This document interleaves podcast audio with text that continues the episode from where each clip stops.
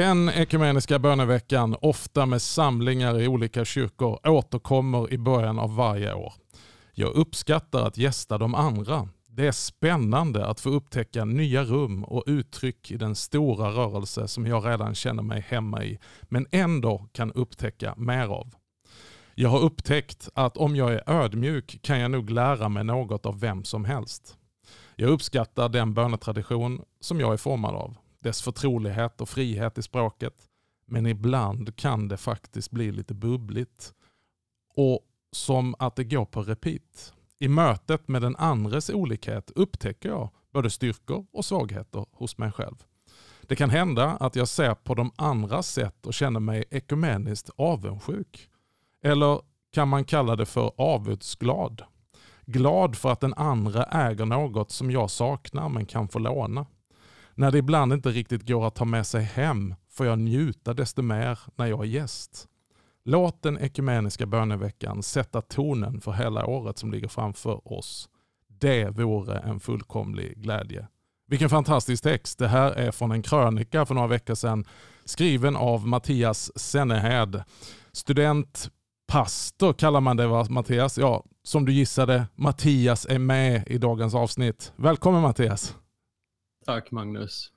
Du, vad kul att se dig. Gammal kollega från grannförsamlingen hemma i Malmö och numera mm. verksam som studentpastor i Linköping. Mm. Och för att vara korrekt så ska jag säga att jag brukar presentera mig som ekumenisk studentpastor. För även om jag har min tystnadsrätt och pastorsavskiljning inom pingströrelsen så är i min tjänst på universitetet så är jag ekumeniskt avskild och eh, utsänd av alla frikyrkor ehm, och jag tjänar i Linköping och Norrköping. Sen är jag också samordnare för universitetskyrkan eh, nationellt för frikyrkornas del. Just det. Så eh, i, i den här hatten, jag, jag märker att folk tycker om att sätta på mig pingsthatten. Man blir lite exotisk då i vissa sammanhang. Men, eh, och den har jag ju gärna på mig. Men just i det här sammanhanget är det också viktigt för mig att jag representerar alla kyrkor och att jag, jag är medvän till väldigt många kyrkor, även om jag är medlem i Motala pingstförsamling.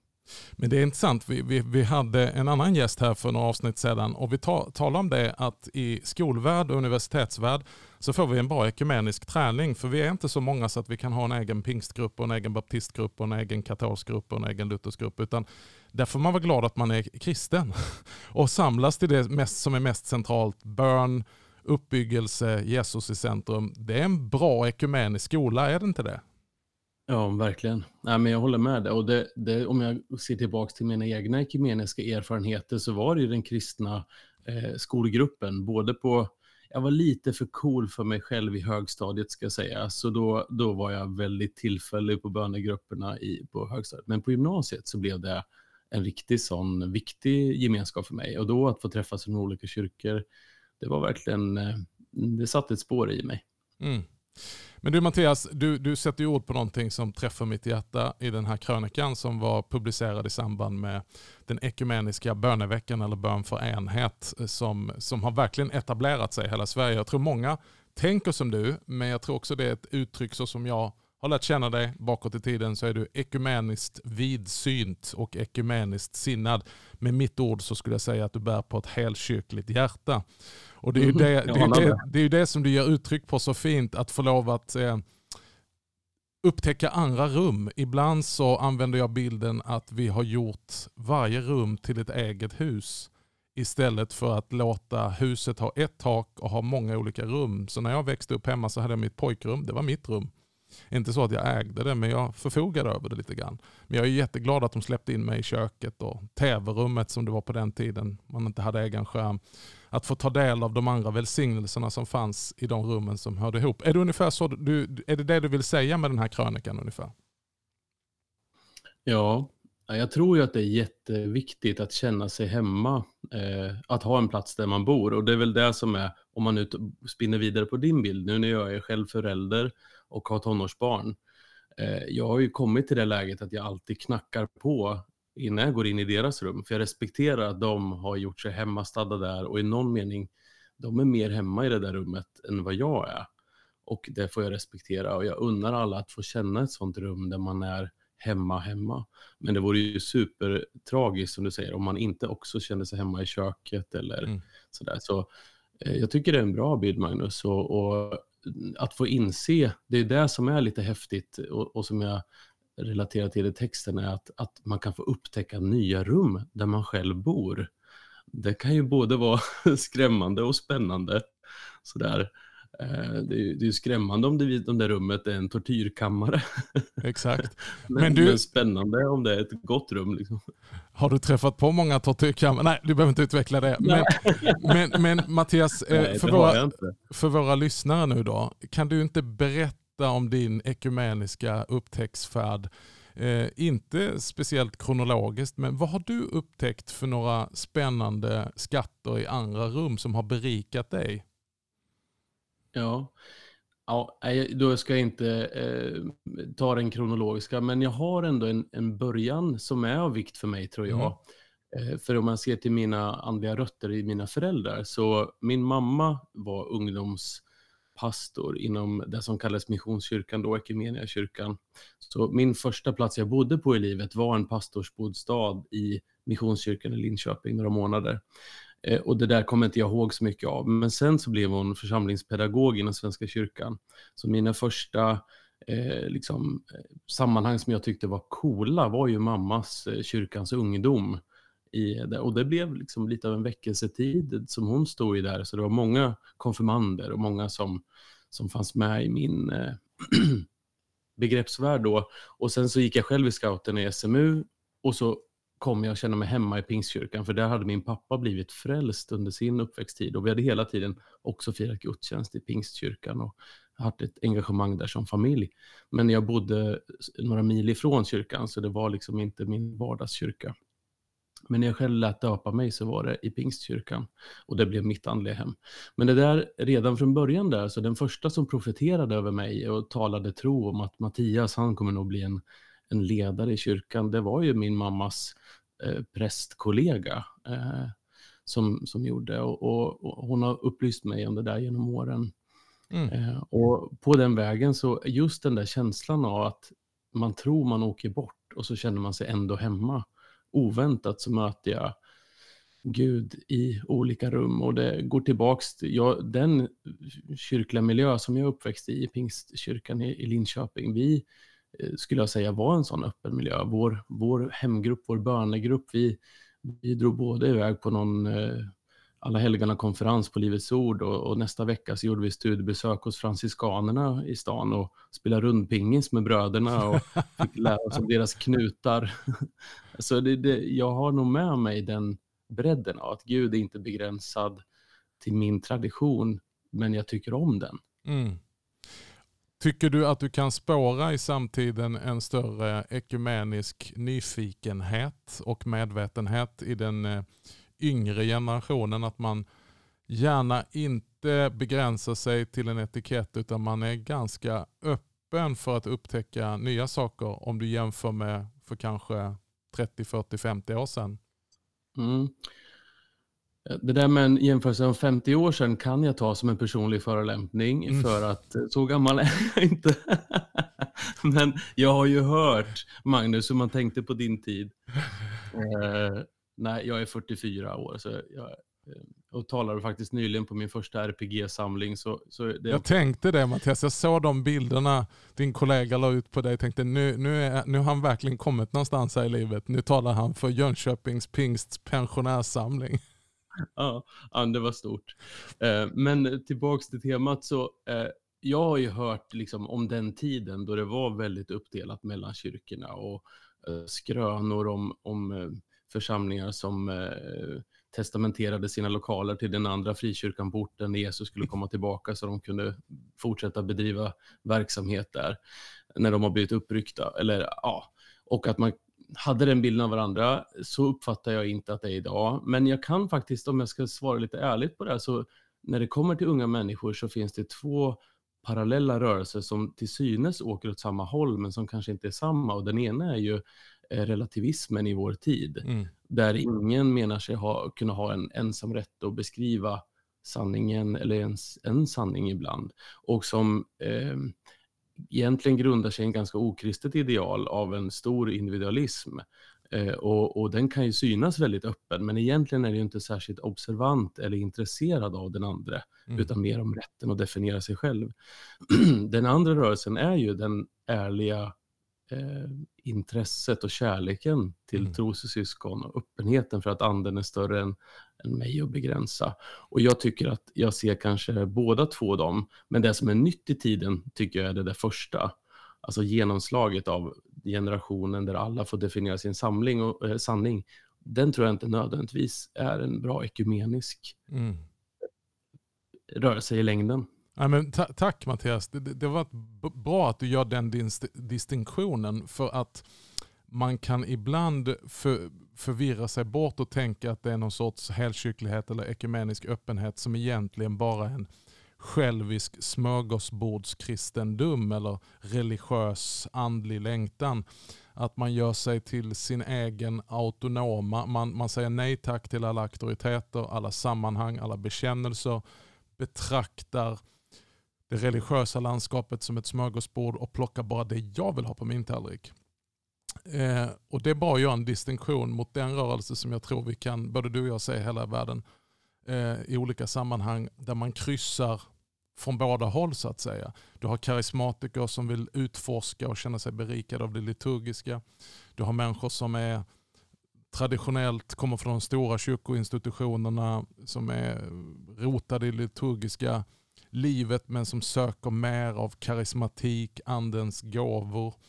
Ehm, det är nästan standard idag väl bland pingstvänner att åka på tyst retreat. Eh, och så vidare. Och Jag tycker att det där är, det, det, det, är precis vad du uttrycker i din krönika, att det där är berikande. Utan att man måste konvertera hela tiden. Och Det är det jag tycker är vackert. Att du inte behöver gå från det ena till det andra. Utan det är inte så att du vill ha någonting istället för det du har, utan du vill ha mer för att berika det du har. Ja, och då finns det ju några sådana erfarenheter eller möten som jag också inser att det här kan jag inte riktigt låna med mig. Mm. Eh, alltså, för mig då, du frågade där för en stund men jag tycker fridshälsningen är helt fantastisk. Mm. Att, få, och liksom, att få hälsa varandra Herrens frid på det sättet är eh, ja, men det ger mig så mycket. Och då har jag ibland försökt införa det i min kyrkosammanhang. Det blir stiff alltså. Jag vet inte, vi vet inte hur vi ska göra det där. Och, och, och ja, jag sörjer ju över att vi är mer liksom inriktade och säger till din granne att den har en fin frisyr eller något sånt där. Det får jag panik över. Liksom.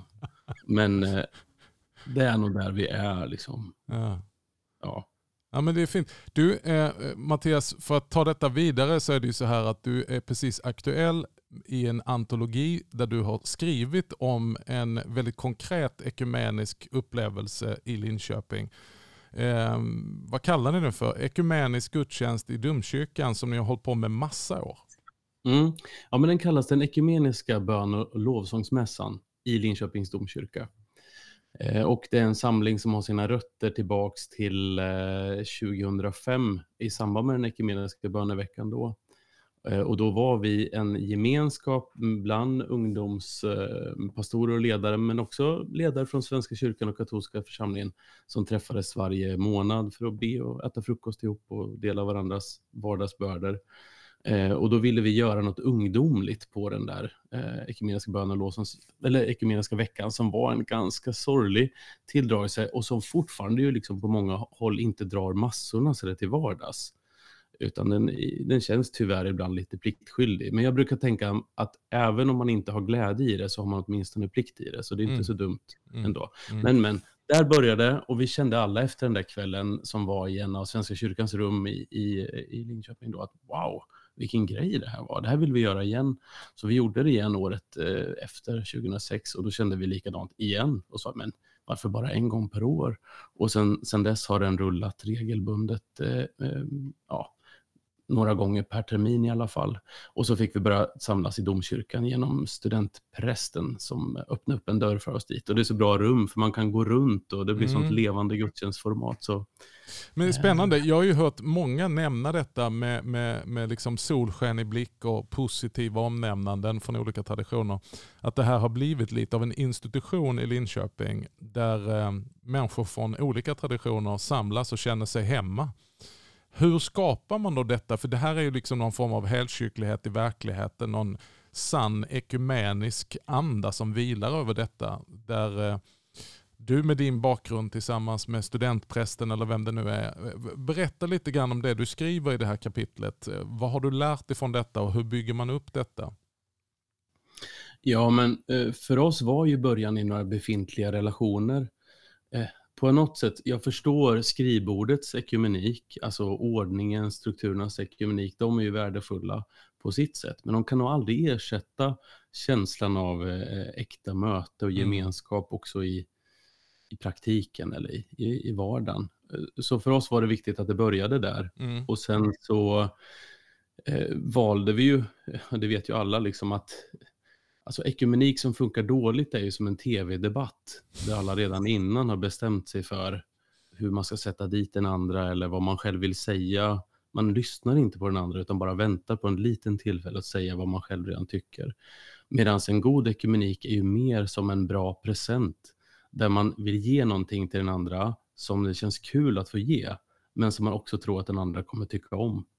Och när man liksom hittar den, då är ju det gott. Liksom. Och, och, Jesus är största gemensamma nämnare. Så den här lilla, ja men vi ska försöka göra någonting som ingen blir arg över. Mm. Det blir också ingen glad över. Nej. Så det, det är liksom, jag tycker det ligger något, för mig Johannes 15 och det Jesus talar om där, i, säger att han, för att er glädje ska bli fullkomlig, alltså fullkomlig glädje, det är ändå vår, den frukten som vi både ser och längtar efter mer och som jag tror kommer av mötet med Jesus. Alltså, största gemensamma nämnare, fullkomlig glädje, det är liksom några värderingar. Ja men vackert, redan där har du sagt viktiga saker. Relation, det tror jag vi alla har erfarenhet av. Gräsrötternas ekumenik, det som sker organiskt. Vi är tacksamma för alla arrangemang, men det är få saker som kan slå relationen där vi ser varandra i ögonen och lyssnar på varandra att ge som gåva vad du har fått som gåva eller att, att liksom kunna förmedla med, med glädje och stolthet och kunna ta emot gåvor. Eh, och kanske den här erfarenheten som många har att ekumenik det betyder något för alla, inget för någon. Eh, vilket blir väldigt tråkigt. Och då tänker jag, jag vill kontra det med Paulus ord, allt tillhör oss. Eh, det betyder inte, det är tillbaka i huset, hela huset är tillgängligt för mig. Det betyder inte att jag trivs lika bra i det gamla badrummet med bidé som var i så här turkosfärgat. Det var jättehäftigt på den tiden jag växte upp.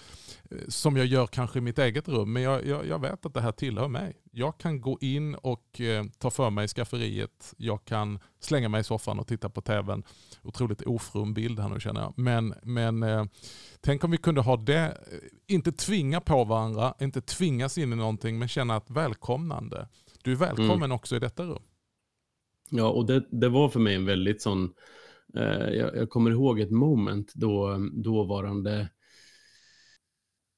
biskop Martin Lind var med och eh, han var ju en sån där som inte var med varje gång såklart, utan vi hade fått en, en riktig höjdare här som skulle komma och vara med oss den här kvällen.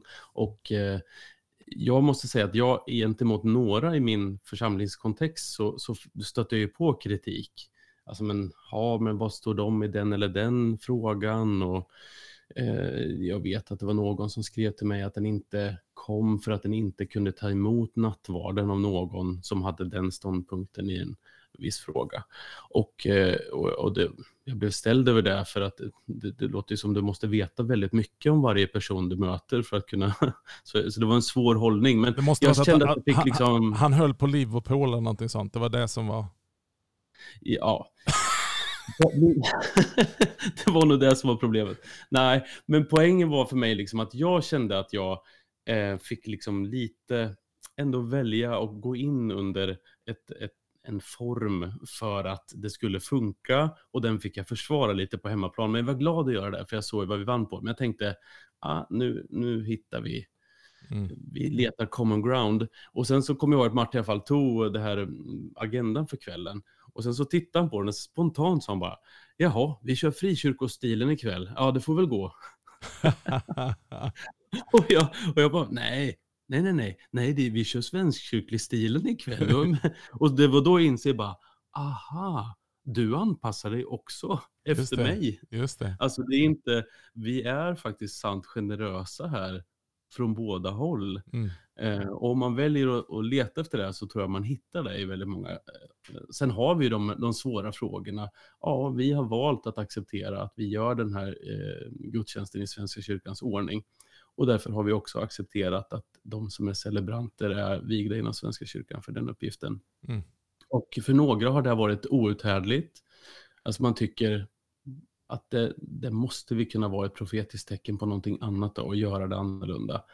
Eh, och, och till följd av det så turnerade den här gudstjänsten under något år runt i lite olika kyrkorum för att mm. kunna. Men, men det blev också någonting annat då. Mm. Det, vissa saker som fanns, det var som att det satt i väggarna lite grann och det gick inte att flytta ut. Det var mm. det jag menade när jag, mm.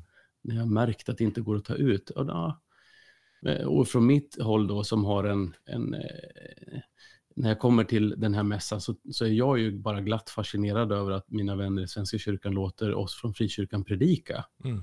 Det är ju det som också vi bryr oss om. Jag har en tämligen låg liturgisk eh, förståelse på det sättet. Jag älskar ju nattvarden men, men eh, eh, jag hoppas inte jag låter ofin när jag säger att det inte gör så mycket för mig. Mm, vem mm, som, mm, mm. Men jag är jätteglad att få förkunna. Ja. Och att de ger mig det förtroendet, så, jag, så som jag förstår Luther, du kan honom bättre än jag, men så borde ju vara prästens uppgift att vaka över det talade ordet lika strikt. Men jag är bara glad att man har den öppenheten och generositeten. Och det tror jag också faktiskt är en förutsättning om man ska vara lite krass. Precis. Men, men eh, du har skrivit om det här och eh, det, är en, det är en bok i serien Tro och liv va? Eh, ja, nyligen utkommen från, eh, på eh, Libris förlag och eh, med Joel Appelfelt och Ellen Wingren som redaktörer. Den heter Heliga vanor. Just Långsamhetens det. lov i en accelererande tid. Det är, det är en antologi med skribenter från hela kyrko, eh, kyrkans familj helt enkelt. Men vad önskar du förmedla Mattias med, med ditt bidrag i den här boken som då är hämtat utifrån dina erfarenheter av den här ekumeniska bön och lovsångsmässan i Linköping? Mm. Ja, men jag, ville må, jag ville bjuda in läsaren i det här sammanhanget. Den är skriven i första person som en, en eh, berättelse eller en ögonblicksskildring. Jag vill ge någon en smak på hur det här kan vara. Jag vill att de ska känna att det smakar gott. Mm. Och att det blir en större glädje kring ekumenik. Eh, det är en plikt, men tänk om det också kan få vara en glädje. Och det var min, eh, min ansats med det. Mm. Och jag, för så känner jag det. Jag, till exempel så, så du kan fråga vilken frikyrklig pastor som helst så är vi så avundsglada på att det bara eh, ramlar in folk i Svenska kyrkans lokaler. Mm. Det är ju det som frikyrkorna eh, tror att folk ska göra hos oss. Och, och, vi, ja du som är bara kommit in från gatan här, det är ju ingen som bara kommer in från gatan oftast i en frikyrka, man är ju medbjuden av någon i så fall. Det har ju hänt under även där att det ramlar in folk, men men jag tror i Svenska kyrkan händer det ju varje gång jag är där. Jag försöker ofta vara inkastare och stå som värd i dörren varje gång är det någon som kommer in och stannar i steget och säger oj, förlåt, är det något som händer här? Ja. Och säger, ja, det är det. Välkommen in. Mm. Sitt kvar ett tag, sitt en stund om du vill. Och sen ser jag på avstånd när de går ut, jag har en ögonblicks framför mig bild när en ungt föräldrapar med två barn kommer in. Och de vänder från tänker, nej, det händer något. Så nej, vänd inte, gå in, ta ett varv, sitt kvar i lovsången en stund.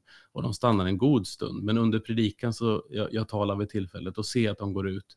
Och då lägger mannen handen på hjärtat och bugar mot mötesvärden när han lägger tillbaks agendan. Och jag märker liksom att det, det har hänt en andakt här. Det hände mm. ett möte med något heligt. Och det är jag ju jätteglad för. Eh, och bara, vad fint att få ta del i det. Det är en vacker bild, verkligen. Ehm, jag ögnar igenom din text här och blev fångad bara av hur det börjar. Det är verkligen som en skildring att man är där. Och man får se genom dina ögon vad du, vad du såg. Eh, jag tänker att det här är spännande med heliga rum. Jag som också har min största del i tjänst i, i frikyrkan och pingstkyrkan. Jag tänkte mycket, att det här är vår lokal eh, vår församlingslokal och den öppnar vi gärna för allmänheten men det är vår lokal och välkommen in till oss. När jag nu som präst vigd i Svenska kyrkan med tjänst i EFS så har jag insett det är fantastiskt hur kyrkan har blivit ett heligt rum som ägs av folket. Så det är ingenting, det här är vår lokal, utan det är snarare människor som kommer in, det här är vår kyrka. Om man känner eh, jag reser runt mycket i landet och kan hamna en tisdag, en tisdag dagtid vad som helst i en kyrkolokal och se hur det ständigt kommer in en och en, ibland fler än så, som sitter en stund och det behöver inte nödvändigtvis vara någon aktivitet utan tvärtom, precis som du säger, det är nästan en fördel om det inte är någon aktivitet. Man tänder ett ljus, man ber en bön, man sitter i stillhet. Eh, och folkkyrkan har ju lyckats där med att bli ett folkets hus så att säga.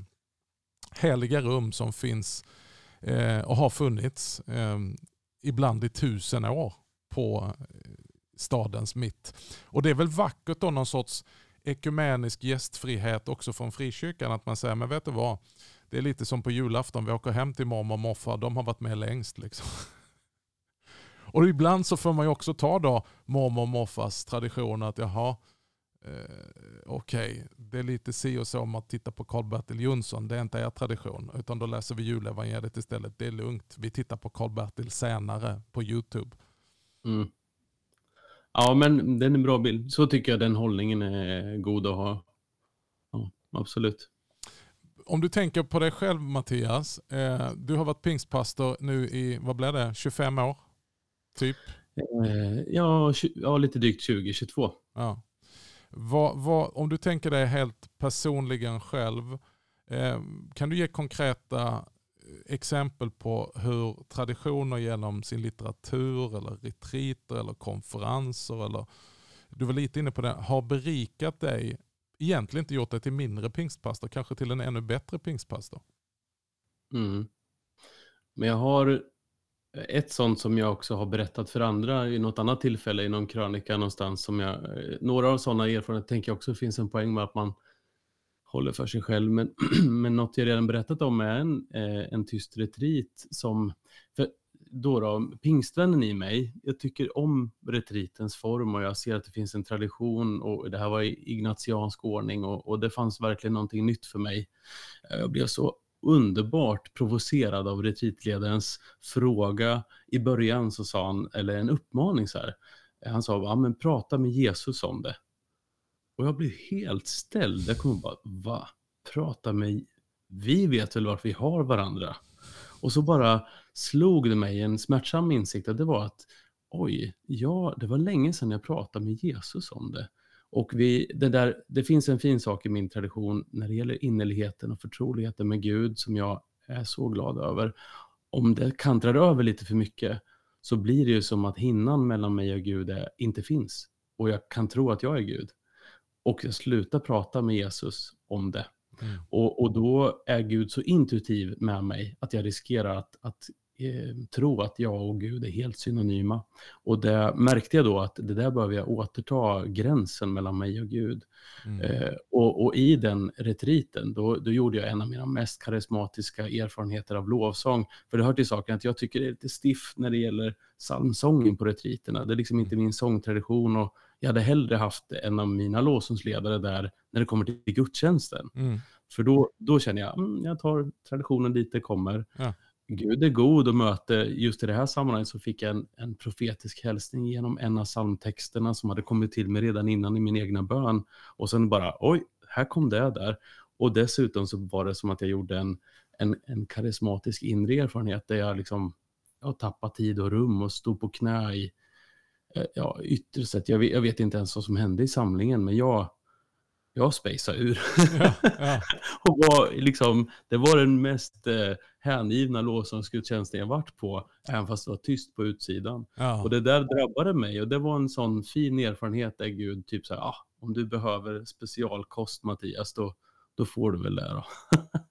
men det var ju min begränsning, men, men det var en fin erfarenhet för jag både märkte att jag verkligen, verkligen kunde lära mig någonting dit jag kom. Mm. Eh, men jag hade också ett behov som var mitt, men kanske inte alla andras. Men Gud mötte mig i det. Mm. Ja, men det är spännande det där när vi helt plötsligt hittar fram till varandra. Vi talar samma språk, men som du och jag, vi talar med olika dialekter. Eh, och det, vi kan le lite ibland och vi kan säga, ja, vad kul att du betonar det så. så här. Jag fattar först inte att det var det ordet du sa, men nu fattar jag. Okej, okay, du kommer från Skåne och du är från Östergötland.